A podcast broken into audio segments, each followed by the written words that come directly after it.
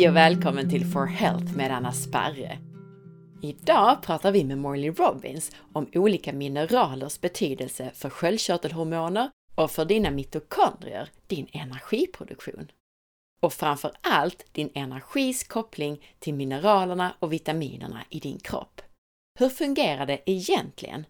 Vi kommer in på mineraler som jod, selen, zink, koppar, järn, magnesium och kalcium. Det är tre avsnitt i rad här med Molly Robbins där vi diskuterar sköldkörteln. I det första avsnittet pratade vi mer allmänt om sköldkörteln och mitokondrierna. Vad är vad och vad är det som egentligen ger dig typiska sköldkörtelsymptom, som trötthet till exempel?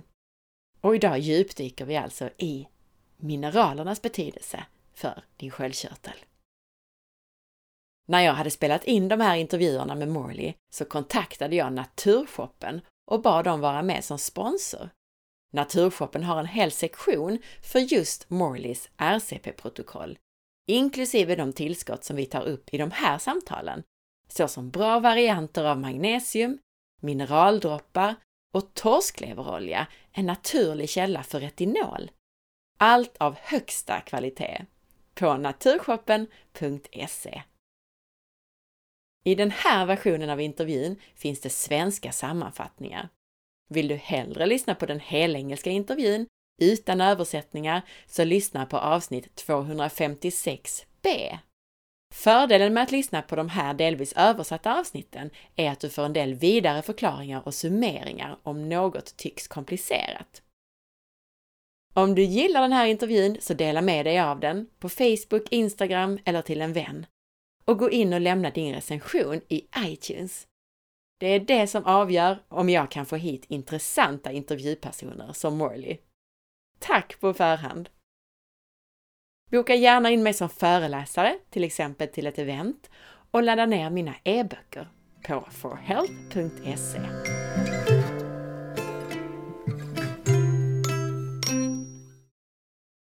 I wanted to ask you about key minerals to the thyroid, and you have explained a lot about the copper so far.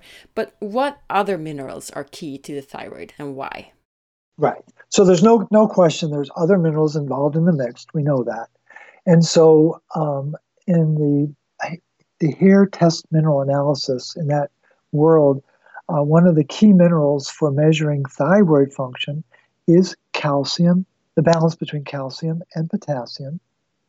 And so it, it turns out that calcium is very much involved in TSH function and, and its activity. So that that's very important. It's got to be at the at the right at that right balance. Um, the what is TSH? It's a heme protein. Well, that right away we know there's iron involved in that. Um, we know that that um, the process of taking an iodine off of T4, well, we're told that that requires selenium. So we know that selenium is important, but we also know that these selenium enzymes don't work well without copper. But selenium is certainly a factor.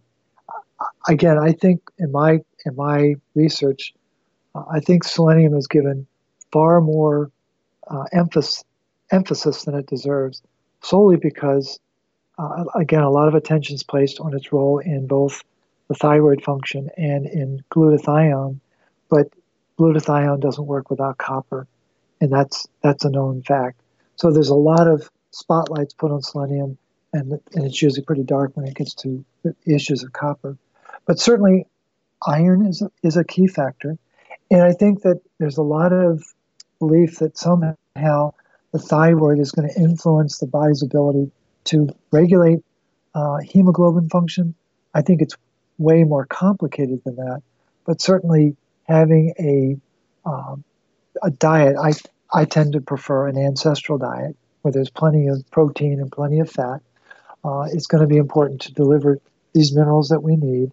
Um, there's a little bit of confusion though about how the the actual conversion of iodide into iodine that's a very important conversion that takes place. It, it's a it requires an there's an oxidation process to make that happen, and hydrogen peroxide is given off.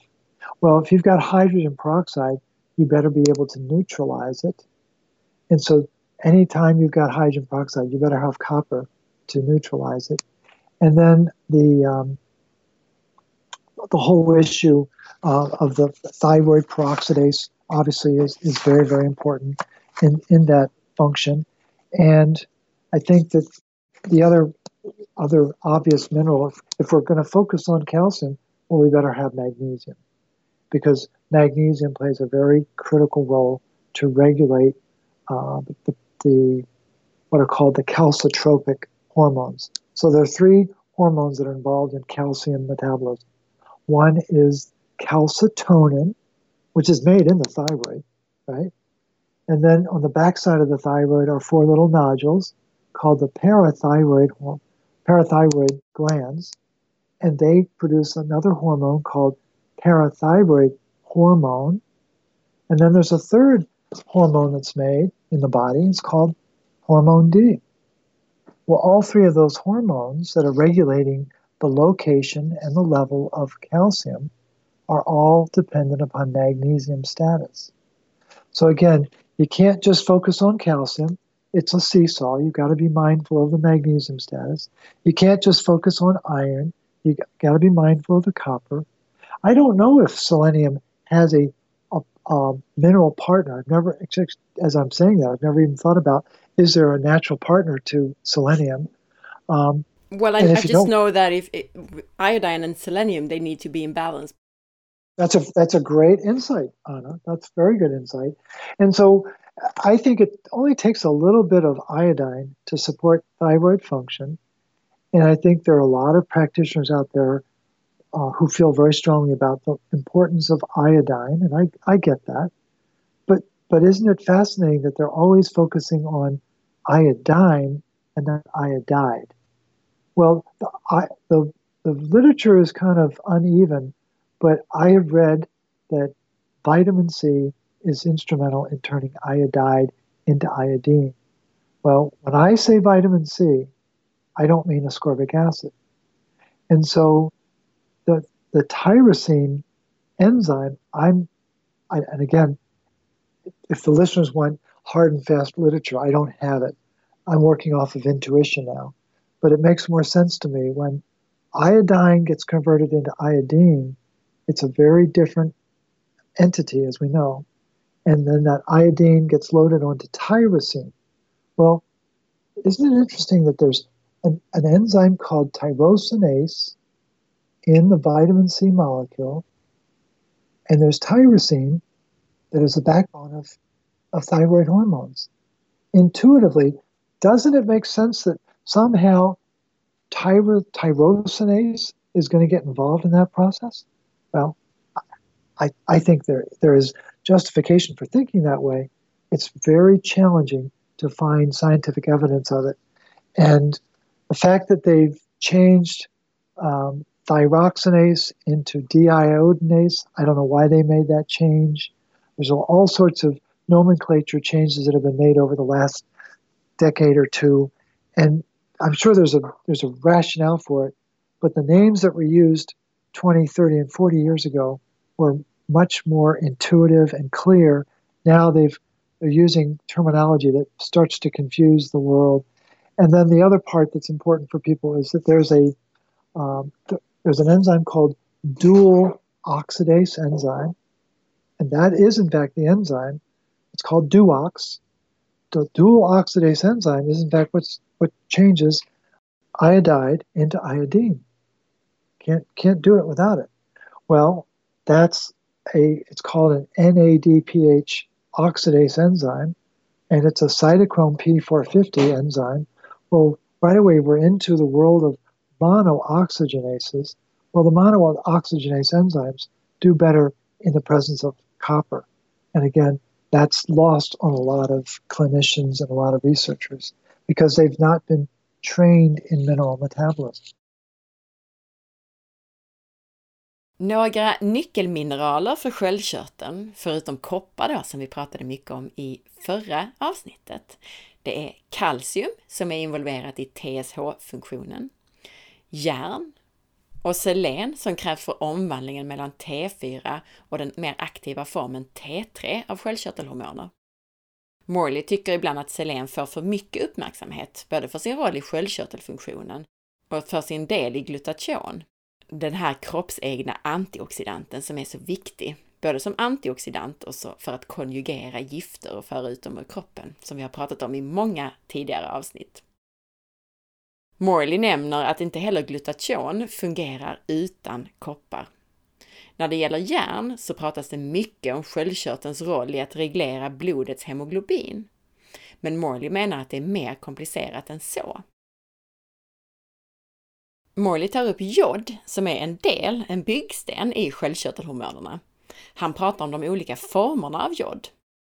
Iodine, det är ju jod och iodide, som på svenska är jodid, är jonformen av jod som kemiskt betecknas I minus. Omvandlingen i kroppen bildar ämnen där bland annat koppar måste vara närvarande för att neutralisera dem. Omvandlingen sker dessutom av ett enzym som fungerar bättre när koppar är närvarande. Omvandlingen mellan jodformerna verkar också behöva C-vitamin. Och då menar Morley inte askorbinsyra, utan hela C-vitaminmolekylen från mat, som ju också innehåller koppar. Och det kan du lyssna mer om i våra tidigare avsnitt som vi gjorde för ett år sedan ungefär. Han tar också upp att den här C-vitaminmolekylen innehåller enzymet tyrosinas och att sköldkörtelhormoner ju består av aminosyran tyrosin tillsammans med jod. Morley tror att tyrosinas kan vara involverat i att bilda sköldkörtelhormoner. Personligen har jag bara hört om tyrosinas som ett enzym som är involverat i att bilda pigment, melanin, utifrån just aminosyran tyrosin. Magnesium är viktigt så fort kalcium är involverat. Detta eftersom magnesium är viktigt för de hormoner som reglerar kalcium, bland annat kalcitonin som tillverkas i sköldkörteln. Balansen mellan kalcium och kalium i en hårmineralanalys kan säga något om sköldkörtelfunktionen. Det finns viktiga balanser mellan mineraler i kroppen, inte minst för att de reglerar varandra. Det vill säga kalcium och magnesium är ett exempel, järn och koppar ett annat och även selen och jod behöver vara i balans. Now you mentioned a lot of exciting minerals in relation to the thyroid. You mentioned calcium, selenium, iron, magnesium, and so on. So I think we're gonna dig deeper into the minerals and other subjects that you just now mentioned, just for the sure. listeners to to understand it all, and for me as well, of course. Yeah. Starting with iodine then because one mineral that we hear a lot about when it comes to the thyroid is iodine since iodine is actually part of the thyroid hormones you mentioned the iodide, yeah, iodide and iodine. Yep. But in general, what do you say about iodine and the thyroid? We, we know we can't make T4. We cannot load. T4 does not exist without 4 iodine. We know that, right? Hmm. And and that's once that structure is made, it it, it has uh, a role in the body. And then, of course, it's subsequently altered into T3. And what's what's really important for people to understand is that, um, and I'm, i will come back to your, your question about iodine, but there's a, a protein that surfaces when there is oxidative stress. And that protein is called hypoxia inducible factor 1 alpha. It's a very powerful um, protein. It's made by a gene that's responding to oxidative stress. Well, guess what it does? Is it it really affects the activity and expression of TSH. In a body that has rising inflammation, which is what hypoxia-inducible factor is responding to, there's going to be rising TSH. Well, what is that telling us? It's telling us that the oxygen is not being metabolized right. Very, very important. And so the the importance of iodine, though, is that iodine, beyond its role in T4 production, it's also involved in ceruloplasmin metabolism too. There are many uh, amino acids that need to be iodized in that particular protein, which is it's a behemoth protein as we've discussed. So iodine is not just involved in the thyroid. And what I think is important for the listeners to know is that there are two ways to manage iron. You, you can manage iron with ceruloplasmin, and it will turn ferrous iron into ferric iron, and it will give off water in that process. Or you can use iodine and mix it with ferrous iron, and it will become ferric iron, but there's no water given off. So it's it's a backup mechanism, if you will, for dealing with iron overload.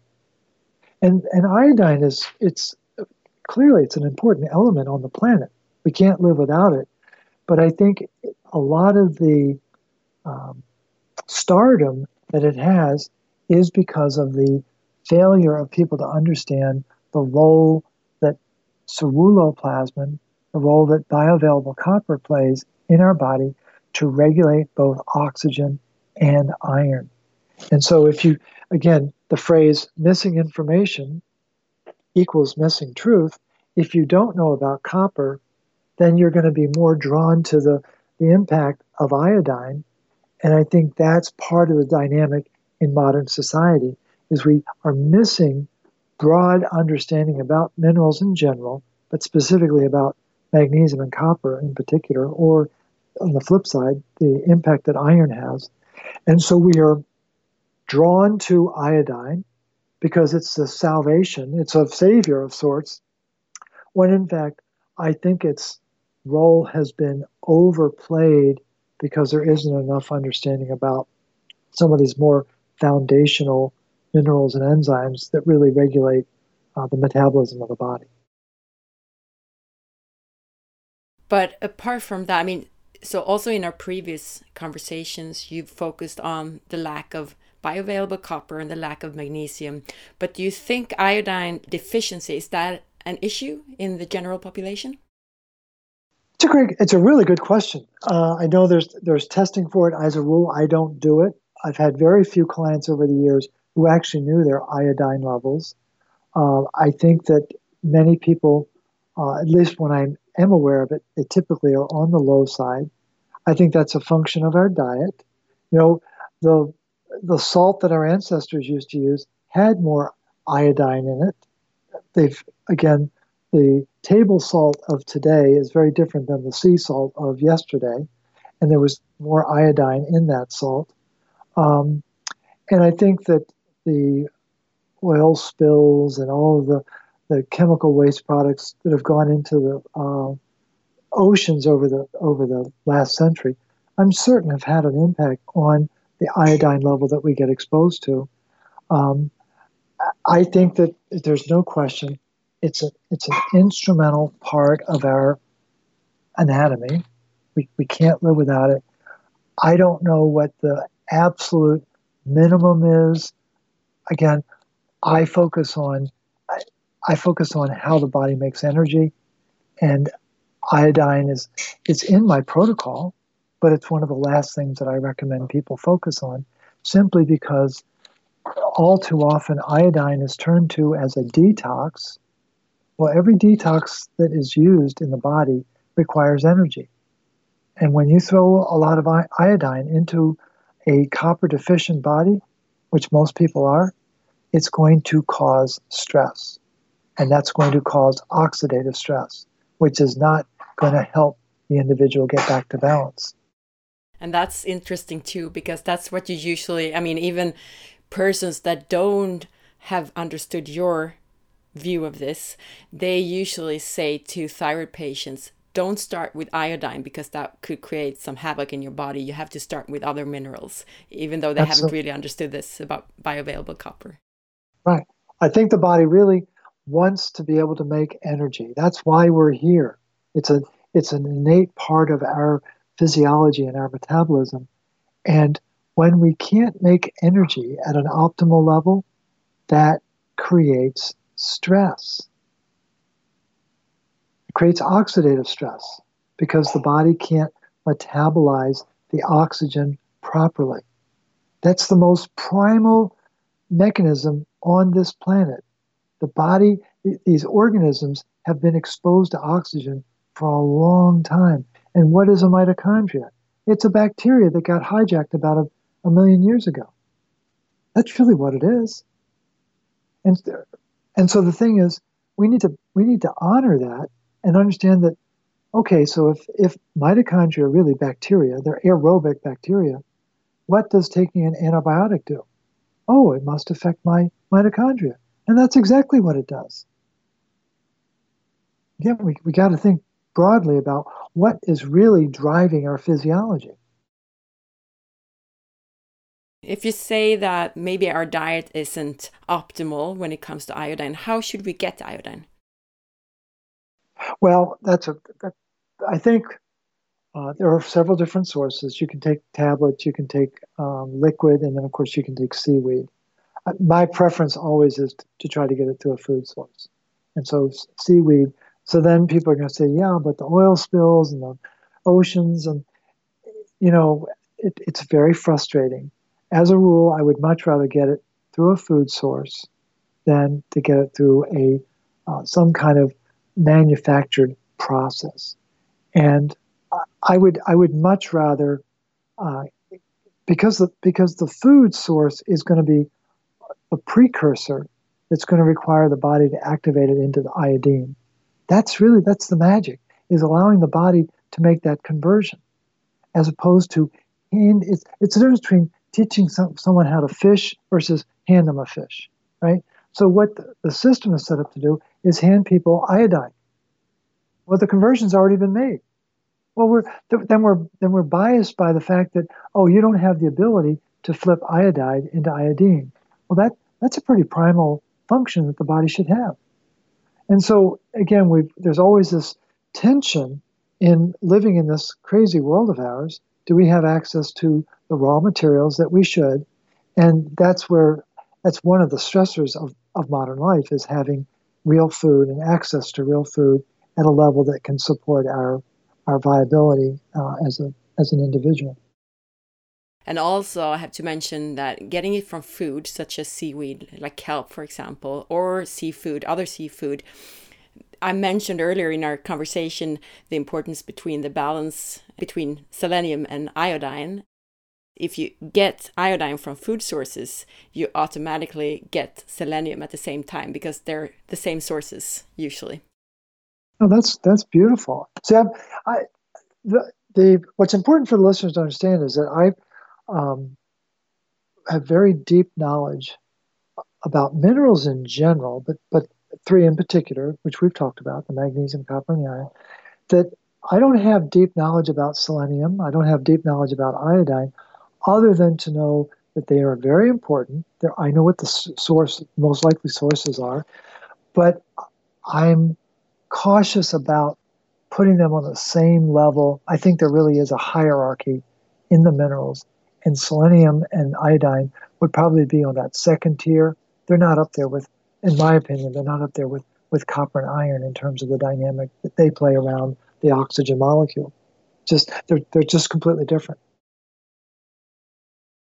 Vi pratar mer om jod, en viktig beståndsdel i sköldkörtelhormon som sagt. Men jod har också en roll när det gäller biotillgänglig koppar, ceruloplasmin. Och det finns två sätt att hantera järn, det vill säga att omvandla det mellan de olika formerna av järn. Antingen hanteras det med ceruloplasmin, den här biotillgängliga kopparn, eller med jod. Man kan se jod som en backup-mekanism för att hantera järnöverskott. Så jod är viktigt, men Morley tror att det anses som viktigare än det faktiskt är. Och mycket på grund av mångas okunskap om ceruloplasminets roll i att reglera både järn och syre i kroppen. Morley tar också upp hur kroppens användning av syre och oxidation påverkar hormonet TSH. Vår kost idag innehåller ofta för lite jod. Men jod finns rikligt i mat från havet, såsom i sjögräs och dessutom i bra former av salt. Får man jod från mat så kommer det dessutom i balans med andra mineraler, Det kan vara bra att få i sig lite extra jod, men man ska inte börja i den änden. Det är viktigt att återställa balans av andra mineraler först och att fokusera på just energiproduktionen i våra mitokondrier. Mitokondrier bildades från början från bakterier. Och antibiotika och andra saker som påverkar bakterier påverkar också mitokondrier. But when it comes to the thyroid, selenium is part of enzymes, uh, several enzymes important to the thyroid. So, yeah. do you have any sort of take on selenium or opinion about selenium? No, it, it, it is it is absolutely important. The the author that people should look up is Olin, excuse me, Olin, O L I N. My, my apologies, Olin from 1992. Um, very important research about the role of the they're called seleno enzymes, selenium-based enzymes. The role the, the role and function of these seleno enzymes in copper deficient animals and they don't work as well. And it's very well documented. And again, most people don't know to ask how do these enzymes work in a copper deficient body? That's that's what drives a lot of my research is to see well how does this work in a copper deficient body? How does that work in a copper deficient body? There, there's a um, there's a, a, a mouse model that i'm absolutely fascinated by that's used to study multiple sclerosis. And it's called the it's called cuprazone. Cuprazone is a chemical that chelates copper out of the animal, especially the liver and a very important brain region called the corpus callosum. And this corpus callosum has a very particular importance to the thyroid, which I'll talk about in a minute. But what happens is that when you feed an animal cuprazone, mitochondria stop working. And there's a research study done um, by Pret, P R A E T, in 2014 to study that cuprazone model. And lo and behold, they discovered that the mitochondria stop working when there's no copper. Well, that makes perfect sense to me because of what I know about how oxygen is managed.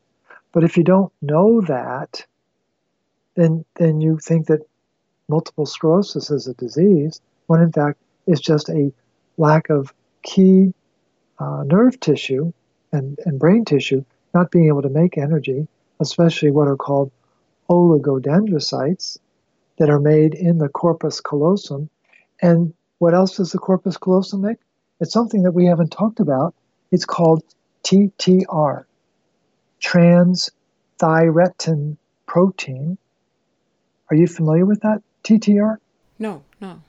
Okay, so transthyretin is a very important protein because it transports, that's what trans is, transports thyroxine and retinol. I think that might be important. yeah. And, and, and where is TTR made? It's made in the corpus callosum. Well, if we've got people who are eating a copper deficient diet, if we have people who are eating a vitamin A deficient diet, do you think that might expe- affect the expression of the corpus callosum that's supposed to be making TTR, that's supposed to be transporting thyroxine and retinol in the body? Well, of course it does. And no one talks about that. And the the when when I'm working with people who call themselves hypothyroid, oh, I'm hypothyroid, I'm like, well, then you don't have any retinol in your diet. And they go, How did you know? Because that's because if the if the thyroid doesn't have access to retinol, then the thyroid receptors can't work because they must be in concert with a, a nuclear receptor called RXR, which is a very important partner to the thyroid hormone receptor. And and I'm not sure a lot of endocrinologists know that, but they are a tandem partnership that if the RXR is not there, then the TR does not work. Well, that, be, that becomes a very important part of the the breakdown of the anatomy. And so a lot of people don't recognize how important retinol is to the function of their thyroid and the function of the peripheral tissue that, that is trying to attract these hormones because the TR is not expressing properly because it doesn't have its partner RXR.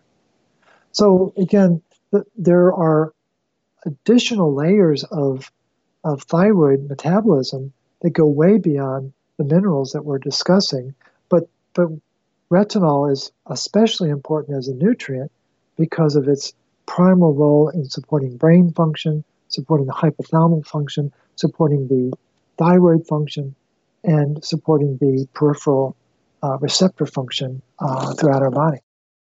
And I very much agree regarding the importance of retinol when it comes to the thyroid function. And that's why we're going to dig deeper into that in a while. Okay. Selen är en del i många enzymer som är viktiga för sköldkörteln. I studier kan man se att djur som har brist på koppar har sämre fungerande selenoenzymer. Det finns också djurstudier som visar att när man ger djur kopparbrist så slutar mitokondrierna att fungera, alltså kroppens energiproduktion. Och Morley nämner kopplingen till bland annat sjukdomen MS. Morley tar upp TTR, som är ett protein som transporterar både tyroxin, alltså sköldkörtelhormonet T4, och retinol, A-vitamin. Och här finns också en koppling till koppar. Underfunktion i sköldkörteln, hypotyreos, är tätt länkat till brist på retinol, alltså brist på riktig A-vitamin, vilket vi kommer att prata mer om i nästa avsnitt. Men retinol är bland annat indirekt väldigt viktigt för TR, alltså för receptorer för sköldkörtelhormon. The next uh, mineral I had written down was copper. And for obvious reasons, we have spoken about copper already a lot. And you've mentioned things like copper being important for the TRH hormone, being important for the metabolism of tyrosine and uh, for some enzymes, some thyroid enzymes as well. But could we summarize copper's role for or roles for the thyroid? No, it's uh, very important. I think the three studies that stand out for me are all these three studies. One is by Lukaski, L U K A S K I, Lukaski et al., 1995. Allen et al., A L L E N, 1982, and Oliver, 1975. Those three studies all looked at thyroid function in animals that were fed a copper deficient diet and to varying degrees, there was a breakdown of thyroid function. The most dramatic, of course, was the Lukaski from 1995. There was a wholesale um, depression in various components of thyroid activity. And at a macro level, it is very clear by these studies, and I'm sure there's others, but those were ones that I've been mindful of. And of course, we go back to my tag of 2012 that's all about the role between copper and, and the thyroid function. I think there's, at a macro level, there is an acceptance that copper is involved in these dynamics. I think it has more to do with oxygen sensing and the actual, and it's also involved in the actual production and function of these uh, components of, of thyroid function. When you get into trying to get specific uh, research about this enzyme, how does it respond to copper or lack of copper, the, the research gets fuzzy very fast. And I'm not going to speak to that other than to say, I don't think we have full disclosure about the role of copper in optimal thyroid function. And, and if my tag is right, and the thyroid is an oxygen sensor, and copper is on this planet as the only element that can harness oxygen, well, then it's going to be in the thick of the hunt of, of either looking for oxygen, interacting with oxygen, trying to, to neutralize oxygen. And I can't help but think that copper is instrumental in thyroid function. And I would add to that the scores and scores of people who now no longer use thyroid medication because they have adequate energy and adequate body function, optimal cholesterol function, because their their thyroid is getting the support that it needs nutritionally. Now, is it just copper? I don't think we can say that, but the but the body is being nourished through the root cause protocol by virtue of the, the many minerals that we focus on and just the, the nutrients.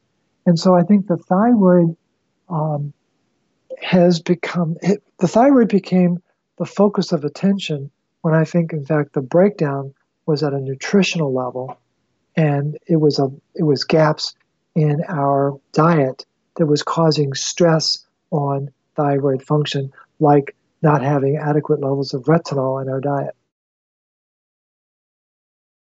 Koppar och koppars viktiga roll för sköldkörteln har redan dykt upp flera gånger under de här avsnitten. Morley tar upp studier där man ser hur sköldkörtelfunktionen havererar vid kopparbrist. Det kan både ha att göra med kopplingen mellan koppar och syre och kopplingen mellan koppar och sköldkörtelhormonernas funktion. Det finns forskare som anser att sköldkörtelns funktion handlar om att vara en syresensor. Och om detta stämmer så är koppars roll för sköldkörtelfunktionen helt avgörande. Morley refererar också till personer som kan trappa ner eller sluta med sköldkörtelmedicinering efter att ha arbetat med kost och matbaserade tillskott för att återställa mineralbalansen i kroppen. RCP, Root Cause Protocol, som Morley nämner, det är det protokoll som han förespråkar kring kost och tillskott och som vi förklarar mer i nästa avsnitt.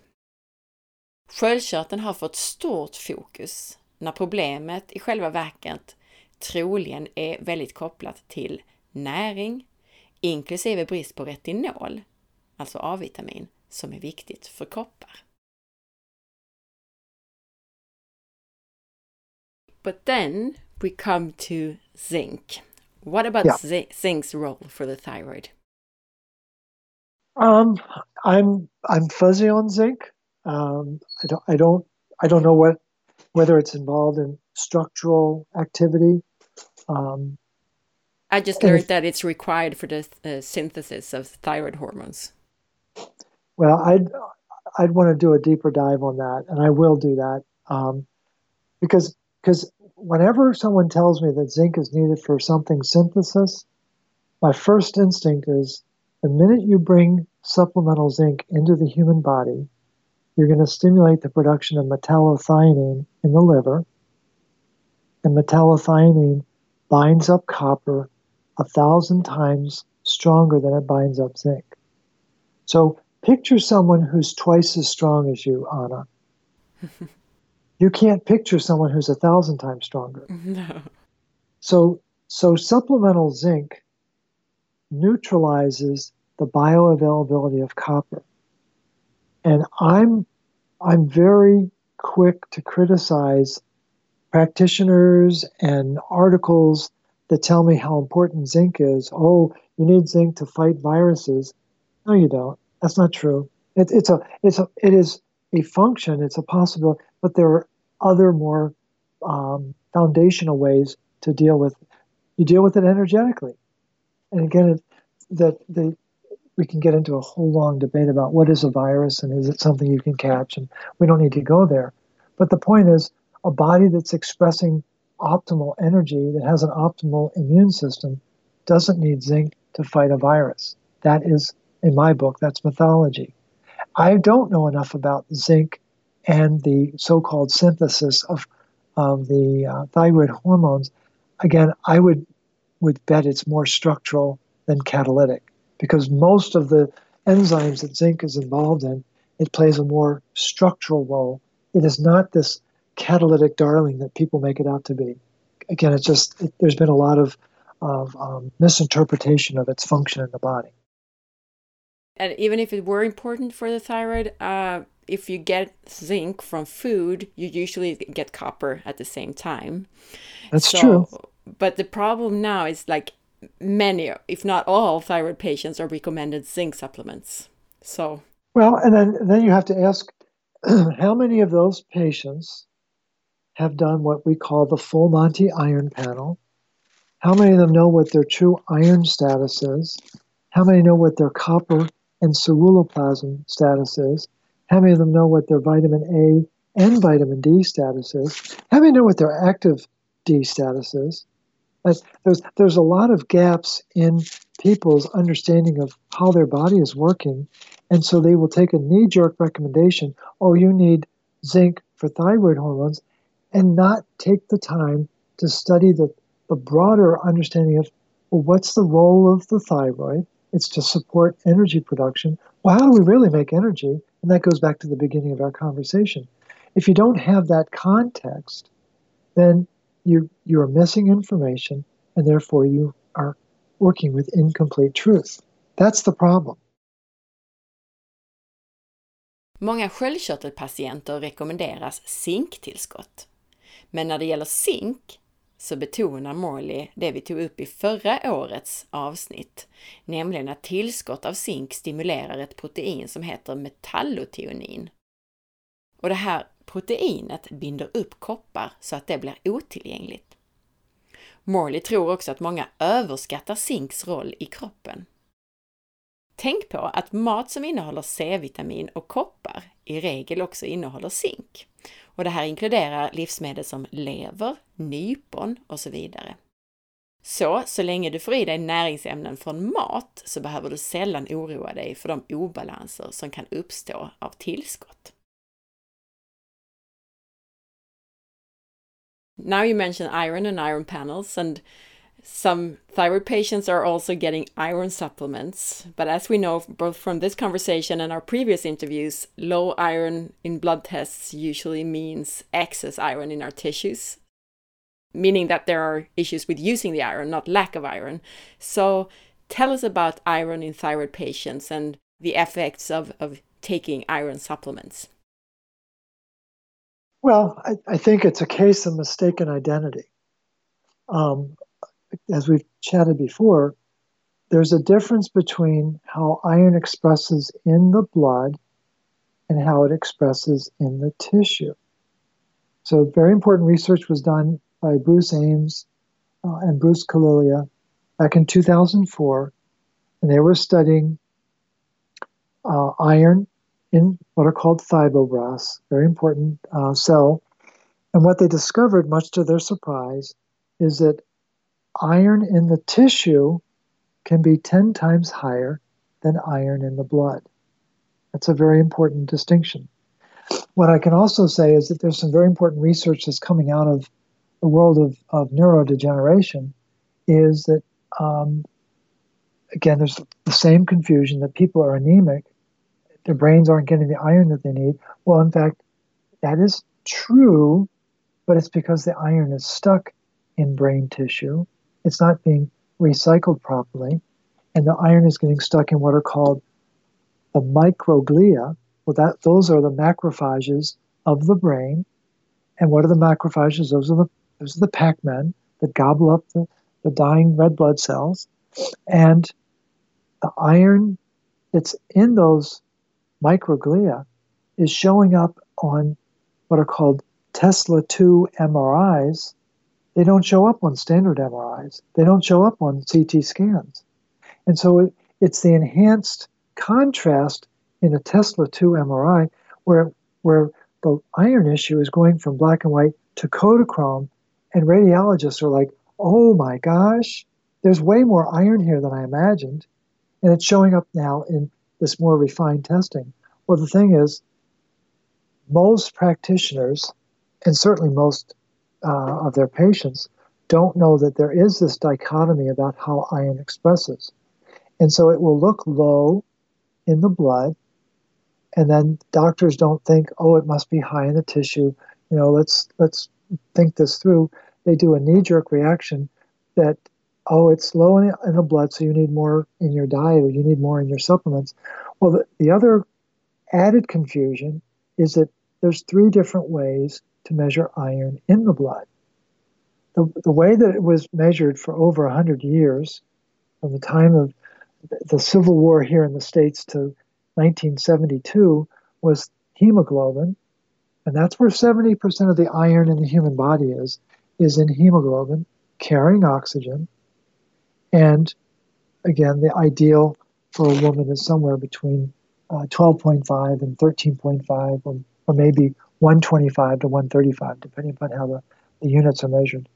But um, hemoglobin historically was always the way that iron was measured because that's where the bulk was.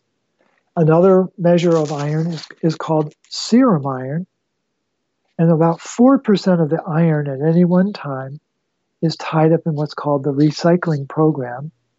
The, the clinical name for it is called reticulo endothelial system, which is that's the most tongue twisted phrase for recycling, but that's really what it is. It's just the body goes through a process every 24 hours of of recycling 24 milligrams of iron from our body through these macrophages, and one milligram is supposed to come from our diet. And that 25 milligrams goes to make the next day's batch of 250 billion red blood cells that are needed. It's a big deal. Can't live without it. But that's 4% of the iron. And then the third marker is called ferritin, serum ferritin. Well, a lot of confusion about ferritin. There's actually three different forms of ferritin. There's what's called two, two of the forms are found inside our cells and inside our mitochondria, and they're, they're called heavy chain and light chain ferritin. Heavy chain has copper and enables proper expression of the ferritin protein. Light chain is more involved in just storing iron. And then, under certain metabolic conditions, that light chain ferritin gets cleaved, the iron gets discharged into the cell, and the protein gets secreted out of the cell because of pathophysiology. Well, the, ser- the serum ferritin that's showing up in a blood test is not a sign of vitality, it's a sign of organ pathophysiology. And it's very hard for doctors to understand that. But the, the world, uh, the person I've learned this from, his name is Douglas Kell, and he's a, a world renowned iron biologist. And he claims that the serum ferritin in a healthy human should be zero. And most doctors and most endocrinologists want to see it at 100, which is a complete abomination of the way the body's designed to work. The ferritin is supposed to be inside our cells. That's what Mother Nature designed it for. But in 1972, a hematologist team in the UK called Jacobs et al. decided to put the spotlight on ferritin as a marker for iron status, and it's a complete condemnation and distortion of how the body measures iron status.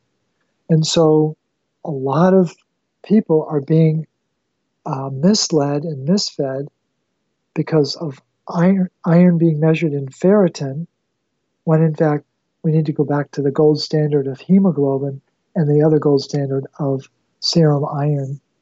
And there's a lot of controversy and confusion around that, as you can imagine. And I think what we have as an added complicating factor is the added confusion around vitamin A and vitamin D. And people who are drowning in vitamin D are going to lose a lot of potassium. It's called renal potassium wasting, but it also causes iron storage. The, thing is, A and D are biological antagonists. They're biological partners, but they're also biological antagonists. What does vitamin A do? Vitamin A facilitates the mobilization of iron. Well, if vitamin D is a biological antagonist, what's its job? It's to store iron in the tissue. And people don't realize that's the mechanism that's causing iron to show up low in the blood is because they're preoccupied with vitamin D. They don't know what vitamin A is all about. They don't know that it should be an integral part of their diet. And therefore, the, the iron looks low in the blood when in fact it's actually high in the tissue, and there's no convenient, inexpensive test for that. And the, the this Tesla 2 MRI is very expensive.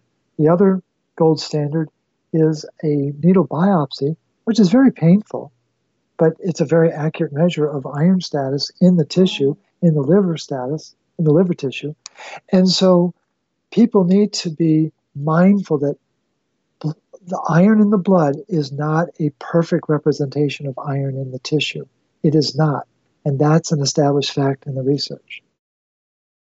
So, if I would try to summarize iron when it comes to thyroid patients, I would say that their diagnosis as a, as a low thyroid function is because of lack of energy, uh, because of fatigue.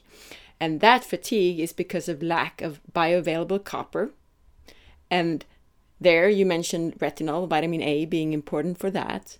Right. And the lack of bioavailable copper or ceruloplasmin that leads to iron being accumulated in our tissues instead of being used as it should be. And then it looks very low in the blood, and the thyroid patients get supplements of iron, and then we have a downward spiral. Could you summarize it like that? Yeah, no, I think that's a beautiful way to, to encapsulate and, and summarize it.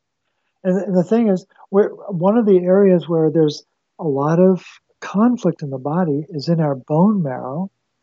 Well, what what is the bone marrow? It's it's a it's a fatty substance. It's it's very dependent on vitamin A, and that's where the body needs to decide: Am I going to make bone cells or blood cells? It's a pivotal decision in the body. Which which is the primal cell that I'm going to make today? Bone cells or blood cells? And the the tissue that has the highest attraction for iron in the human body is bone marrow. Why? Because that's where the where the red blood cells are born. They're actually made by what are called nurse cells. I don't I don't know that they have an RN degree, but but these nurse cells are in fact what make the erythroid progenitor cells. Those are the little baby cells that actually mature into red blood cells that are full of hemoglobin, which are full of heme, which is full of oxygen.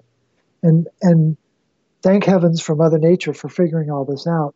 But if our bone marrow starts to accumulate too much iron, it, disrupts the body's ability to make new blood cells and it activates a key enzyme called acid phosphatase, which causes a breakdown of the bone matrix to release calcium.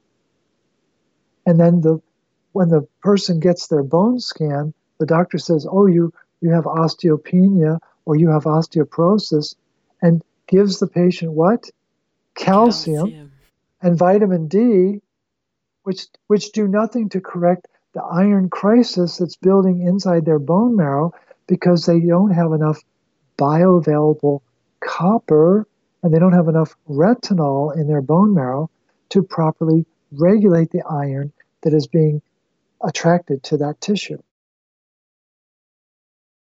Även järn ges ofta till sköldkörtelpatienter. Men låga järnvärden i blodtester betyder ofta att järnet ligger lagrat i vävnaderna i kroppen. Och det här järnet som ansamlats i kroppen är skadligt. Återigen, lyssna på våra intervjuer från förra året för att lära mer om detta i avsnitt 218 till 221.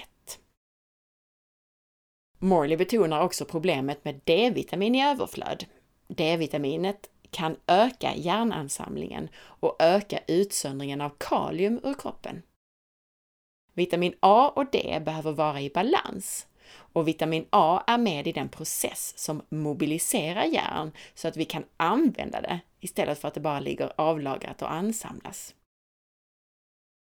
Jag summerar det i just sköldkörtelpatienter som att diagnosen ofta inkluderar brist på energi, alltså diagnosen på underfunktion i sköldkörteln inkluderar ofta brist på energi. Och den här tröttheten, den kan bero på brist på biotillgänglig koppar, ceruloplasmin. Och för att göra biotillgänglig koppar så behövs bland annat retinol, riktig A-vitamin. Och just denna brist på biotillgänglig koppar bidrar till att järn ansamlas i vävnaderna istället för att användas i kroppen. Och det här kan göra att blodtester av järn och HB, hemoglobin, ser låga eller avvikande ut. Och det här då gör att sköldkörtelpatienten får järntillskott som förvärrar det här förloppet ännu mer. Morley beskriver också hur den här ansamlingen av järn kan bidra till utsöndring av kalcium från skelettet. The next mineral I've I wanted to ask about is magnesium, and you mentioned it, but tell us about magnesium's role when it comes to the thyroid. Well, it's again, it's it's instrumental in um, modulating and regulating the, the status of calcium. And when when calcium shows up low in a blood test or shows up high in a blood test, there's a very specific range for calcium in the, in the serum blood. If it's too low or too high, those are both signs of insufficient magnesium in the body. And I would argue probably also in the thyroid because that's where the calcium is regulated. So the, the, the role of calcitonin and parathyroid hormone to modulate uh, calcium status in the body is very, very powerful, as we know. But those hormones key off of magnesium status. And that's the work of Robert K. Rude, who is a noted endocrinologist at USC Medical Center. And he did some very important pioneering research in the in the 70s, 80s, and 90s to talk about the role that magnesium plays in regulating calcium. Again, there's more calcium in the body than there is magnesium, but magnesium is the regulator. There's more iron than there is copper, but copper is the regulator. And, and people need to understand that just because a mineral has a dominant position in the body, like calcium or iron, doesn't mean it's more important or that it's that it has a, a higher authority. No, they take their cues from magnesium and copper, respectively. And so, magnesium is also very important for. Eh, let me rephrase it this way: someone who has magnesium deficiency is more likely to have inflammation. And so this is happening at a cellular level, at a tissue level, and at a systemic level, depending upon the level of stress that the person is under, depending upon the level of oxidative stress that they're under. Um, what is a major contributor to magnesium loss? Having too much iron. That, that's a known fact. And so, if the thyroid tissue is not able to properly regulate what it's doing relative to the production of thyroid hormones and isn't managing the iron and isn't managing the calcium, then you're going to begin to get metabolic imbalance, and then you're going to get uh, faulty expression and function from from that uh, very important gland. But the the magnesium is very important for keeping uh, proper balance to the production of calcitonin and the parathyroid hormone that are directly a function of the, the thyroid function. So, magnesium's role is maybe more indirect in that way that it's not directly affecting the thyroid hormones like T4 and T3, but it's actually connected to the thyroid because it's regulating calcium regulation in the body, and, and that calcium regulation is also regulated from the thyroid. Right. And the other thing we have to keep in mind is that the thyroid is made up of what are called thyrocytes and follicular cells, right? And, and, again, each of these cells needs to be able to make energy. Well, there's nothing more important than magnesium in the production of energy. And there's a magnesium in complex 4. And every one of those ATP molecules that's made that, that's the energy molecule. You know, it's adenosine triphosphate. And adenosine, what is adenosine? It's B4. It's attached to three phosphate uh, molecules. And what's between two of those phosphates? It's magnesium. And what does magnesium do? It stabilizes the phosphates on ATP. And what happens when we cleave a phosphate off of ATP? We lose that magnesium. That's what, when I'm referring to the magnesium burn rate of stress, that is at a very mechanistic level, that's exactly what's happening. The body is expending magnesium in order to get access to energy. That's the price that we pay. Does that make sense? Yes, definitely. So, magnesium is then very important for energy production, but maybe not directly for the thyroid hormones T4 and T3, but the most important thing for the mitochondria and the energy energy production. Exactly. Yeah. Magnesium är viktig i regleringen av kalcium. Och just regleringen av kalcium är faktiskt en sköldkörtelfunktion. När kalcium är högt eller lågt i blodtester så är det ett tecken på magnesiumbrist. En person med magnesiumbrist har med större sannolikhet inflammation. En bidragande faktor till magnesiumförlust är för mycket järn i kroppen. Magnesium är också viktig för cellernas energiproduktion, inklusive för sköldkörtelns celler som ju behöver producera energi, alltså cellenergi, ATP, för att fungera.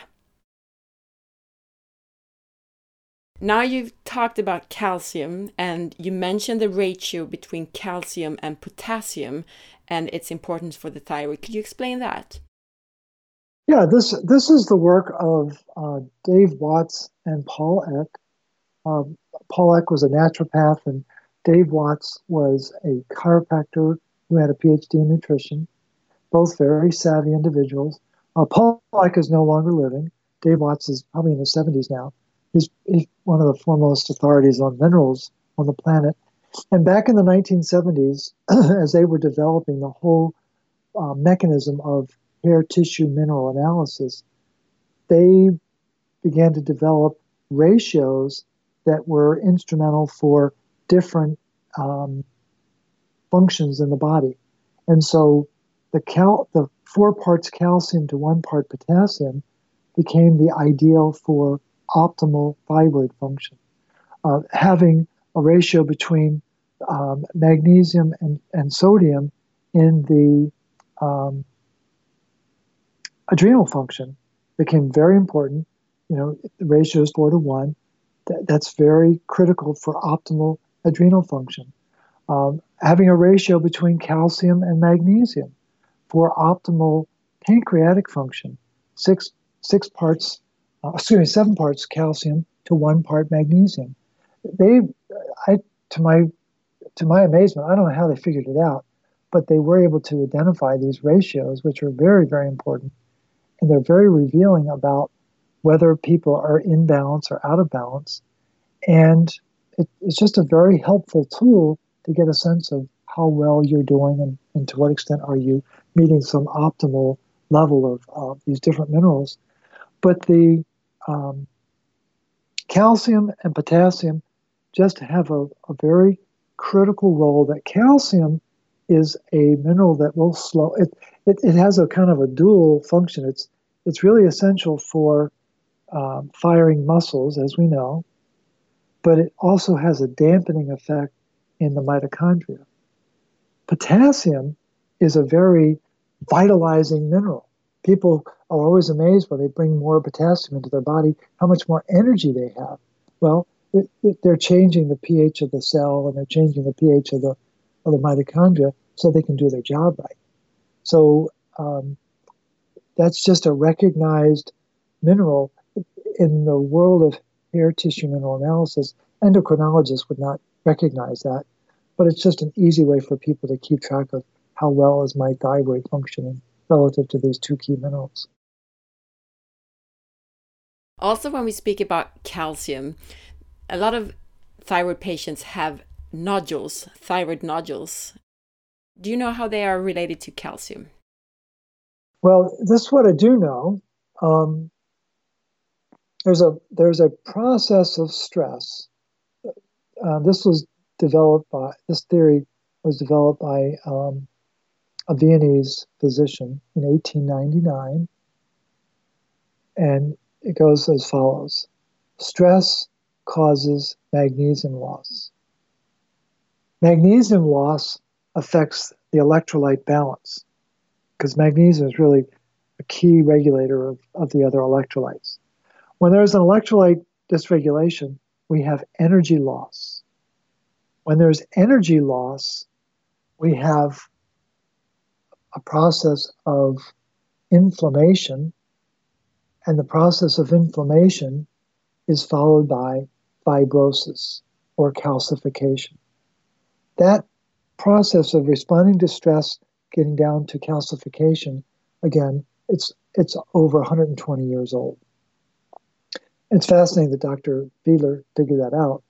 But the important thing is, is that um, the, body does in fact respond to stress very, very there's a very immediate reaction that the, the body has. And the, the nodules on a thyroid are an expression of cells dying. It's, they're being calcified. They're being covered over with cement. What is, what is calcium? It's the mineral of cement, right? What I also know is that um, there are studies done of uh, cancer of the thyroid. And what is striking, and I think it's important for your listeners to know this, is that the, the tissue that is dealing with cancer has no ceruloplasmin. Well, that, that changes things, doesn't it?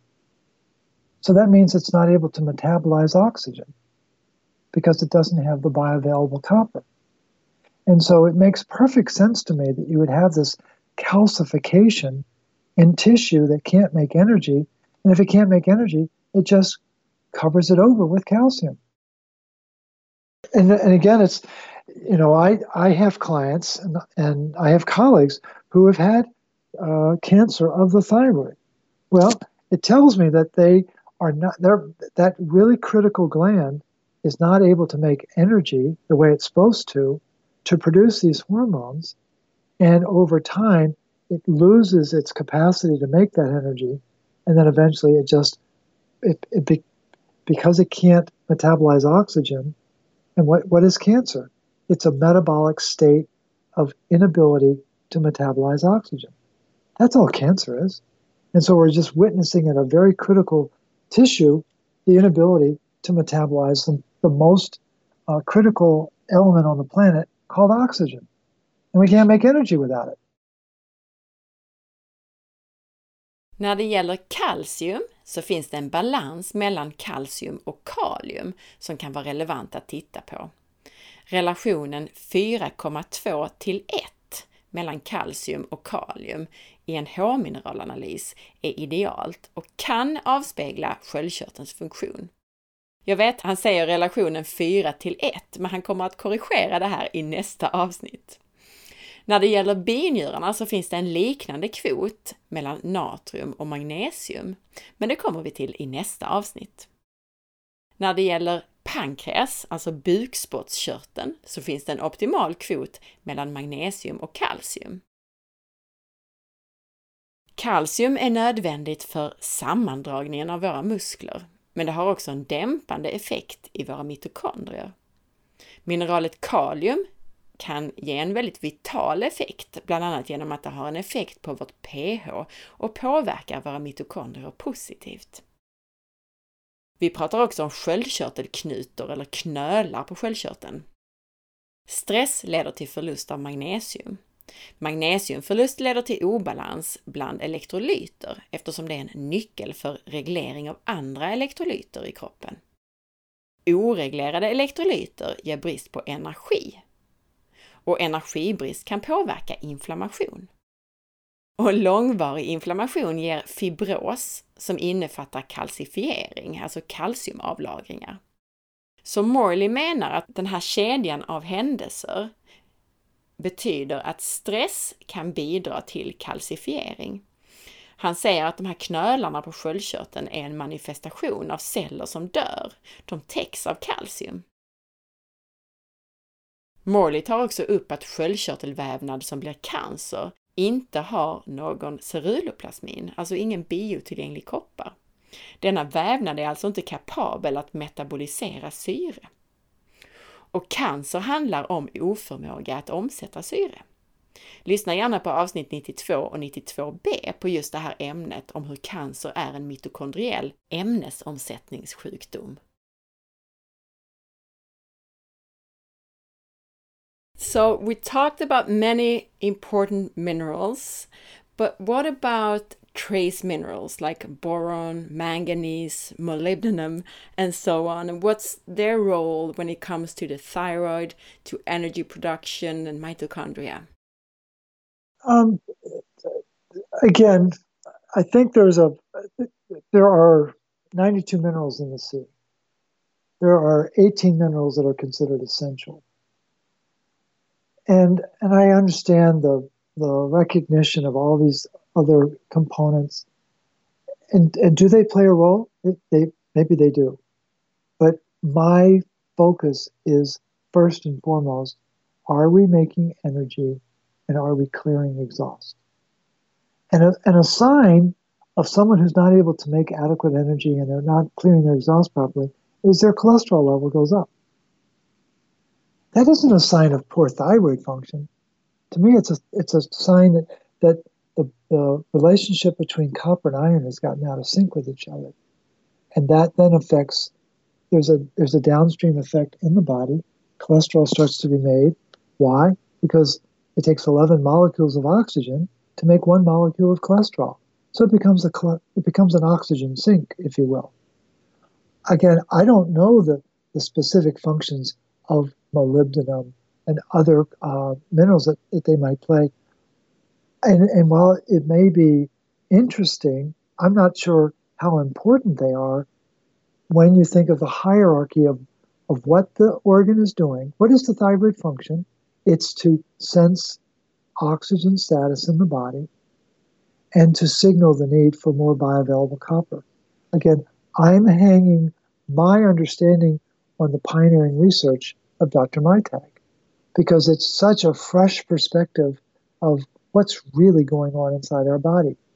And I, I just I don't have command of the literature about specific minerals that might also be players, but I think they're more bit players than they are central players. I don't think they are the premier uh, functioning agents to ensure optimal thyroid expression. Mm. That that's just that's just my perspective though.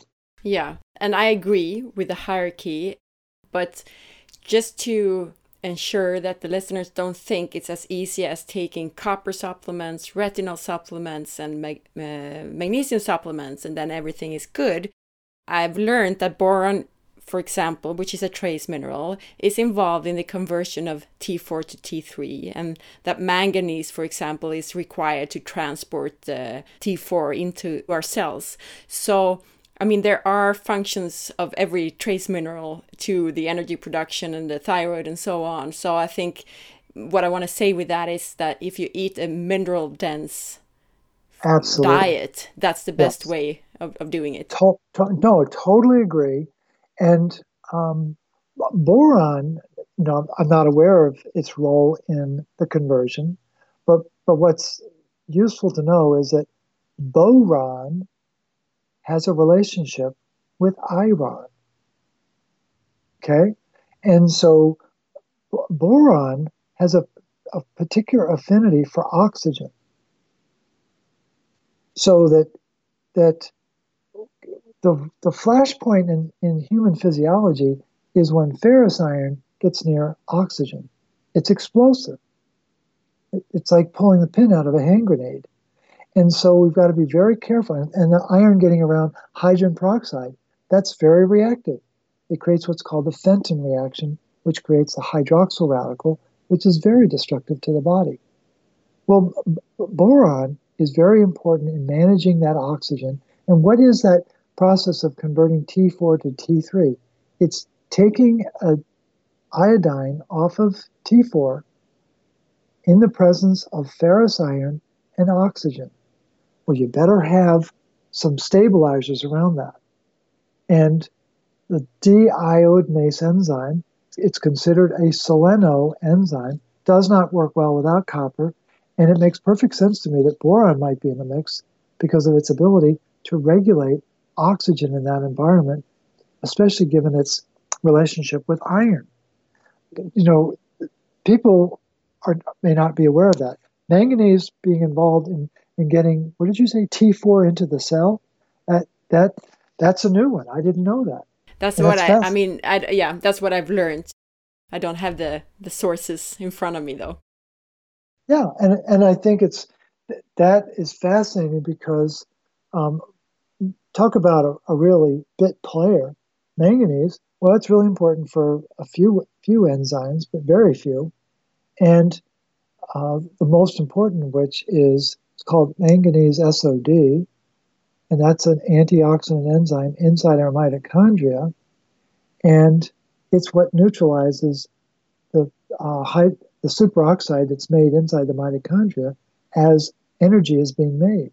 Well, in iron toxic bodies that have iron toxic cells that have iron toxic mitochondria, that manganese SOD becomes iron SOD.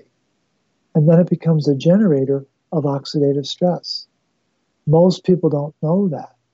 And manganese is a very tricky mineral to work with. And I think what you're recommending is broad based mineral support. I don't, as a rule, recommend a lot of micro supplementation, this mineral versus that mineral. The, the goal is to get um, minerals in general through uh, your water, through mineral drops, and through a nutrient dense diet. Um, I do put particular emphasis on magnesium just because we live in a very stressful world and there's a particular loss of magnesium that's outrageous. And then the, the obvious priority focus on getting copper, but it's through food, not through supplements. Vi pratar om spårämnen. Morley nämner att även avvikande kolesterolnivåer, som ofta tillskrivs just sköldkörtelbesvär, egentligen kan vara en effekt av kroppens oförmåga att omsätta energi. Men vi kommer mer in på kolesterolet i nästa avsnitt. Men just när det gäller spårämnen och mineraler så ser Morley det som att det finns en hierarki där vissa mineraler, inte minst de mineraler som spelar nyckelroller i mitokondriernas energiproduktion, de är högst upp i rangordningen. Och det är de här mineralerna som Morley fokuserar på och han har inte lika mycket kunskap om andra mineraler och spårämnen som är längre ner i hierarkin. Men jag betonar att det här inte betyder att det är så enkelt som att man kan ta tillskott av koppar, retinol och så vidare och så är allting löst. Utan varje litet spårämne har en roll i kroppen, både för vår energiproduktion och sköldkörteln och allt möjligt. Så vi behöver i huvudsak arbeta med att få i oss rätt balans av mineraler via kost eller via matbaserade tillskott. Och Morley rekommenderar förutom en mineraltät kost att använda mineraldroppar som man kan tillsätta till sitt dricksvatten och också tillskott av magnesium. Jag nämner mangan och bor som exempel på spårämnen som är nödvändiga för sköldkörteln. Och det här är i huvudsak på grund av deras roll för olika enzymer som är viktiga för sköldkörteln och sköldkörtelhormonerna. Morley berättar om hur bor har en relation till järn. När det gäller mangan så är det del i ett väldigt viktigt antioxidantenzym i våra celler, det här som kallas för SOD.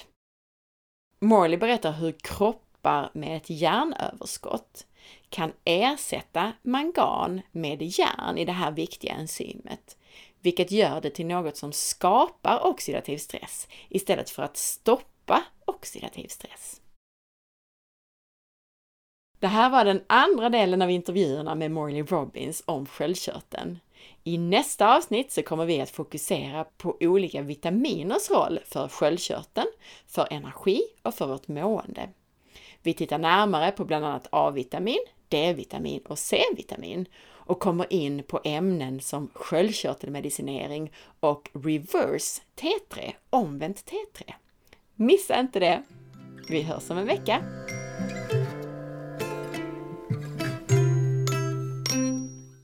Tack för att du lyssnade! Jag hoppas att du gillade den här intervjun. Gjorde du det så dela med dig av avsnittet, dela på Facebook, tipsa en vän och sprid det så att fler får ta del av den här spännande informationen om hur kroppen fungerar.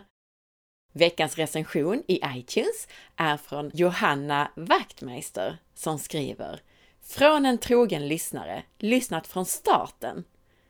Denna podd är fortfarande en av veckans höjdpunkter. Ser alltid fram med spänning till varje nytt avsnitt. Välgjorda intervjuer blandas med något kortare avsnitt med sammanfattad intressant information och mycket trevligt presenterat. Jag har lärt mig massor om hälsa som både appliceras hemma i familjen och glatt delas ut till alla i min närhet som är intresserade. Tack, tack, tack Anna! Du gör ett fantastiskt jobb! Otroligt att du lyckats sammanställa så mycket av detta i dina e-böcker som också är jättebra. Kram från Johanna! Tusen tack för den här recensionen!